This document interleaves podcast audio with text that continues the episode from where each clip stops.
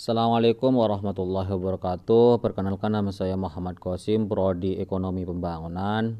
Pada kesempatan kali ini saya akan menjawab soal UTS Ekonomi Keuangan Daerah yakni soal yang pertama, soal UTS yang pertama yang mana harus menjelaskan poin-poin penting dalam topik pertama. Yakni topik penting dalam soal yang di topik yang pertama, poin-poinnya yang pertama gambaran umum tentang pengelolaan keuangan.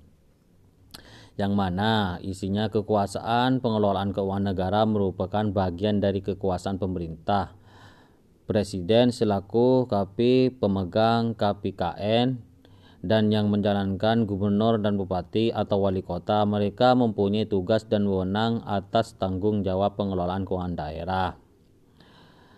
Kewajiban atas dasar yang pertama pendidikan, yang kedua kesehatan, yang ketiga pekerjaan umum dan penataan ruang, keempat perumahan rakyat dan kawasan pemukiman, lima ketentraman dan ketertiban umum serta perlindungan masyarakat. Dan enam sosial.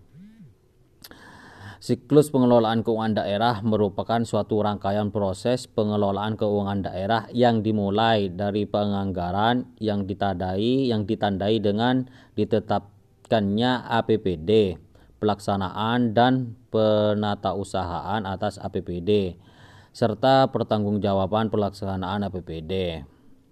Dari topik yang pertama poin-poin penting penting saya punya harapan yang mana harapan yang sangat penting adalah para pemegang kekuasaan harus sejujur-jujurnya dan sepenuhnya bertanggung jawab atas apa yang telah menjadi tanggung jawabnya. Pertanyaan dari saya yang pertama, jika dalam Undang-Undang Dasar sudah dijelaskan, lantas ke mana saja selama ini larinya uang daerah tersebut? Pertanyaan yang kedua, mengapa banyak sekali orang-orang yang mempunyai cita-cita yang sangat tinggi akan tetapi tidak mampu harus berhenti sekolah? Yang ketiga, juga mengapa banyak para pasien yang kurang mampu tidak segera ditangani pengobatannya?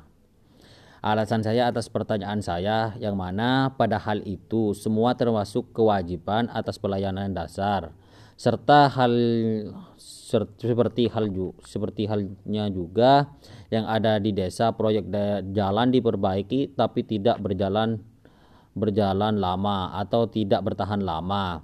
Selam kadang cuma dua bulan udah rusak kadang nggak nyampe tiga bulan udah rusak dan juga anggarannya tidak jelas atas proyek-proyek jalan atau perbaikan-perbaikan baik dari segi proyek jalan atau bantuan bagi masyarakat itu tidak jelas. Terkadang ada calu-calu seandainya masyarakat itu mendapatkan satu juta untuk daerah tapi diambil di korupsi maka dari situ harapan saya untuk ke depannya korupsi itu harus dikurangi atau diberantas seperti itu dan juga jangan dipersulit untuk masyarakat itu harapan saya mungkin ini jawaban saya untuk soal yang pertama Sekian terima kasih. Wassalamualaikum warahmatullahi wabarakatuh.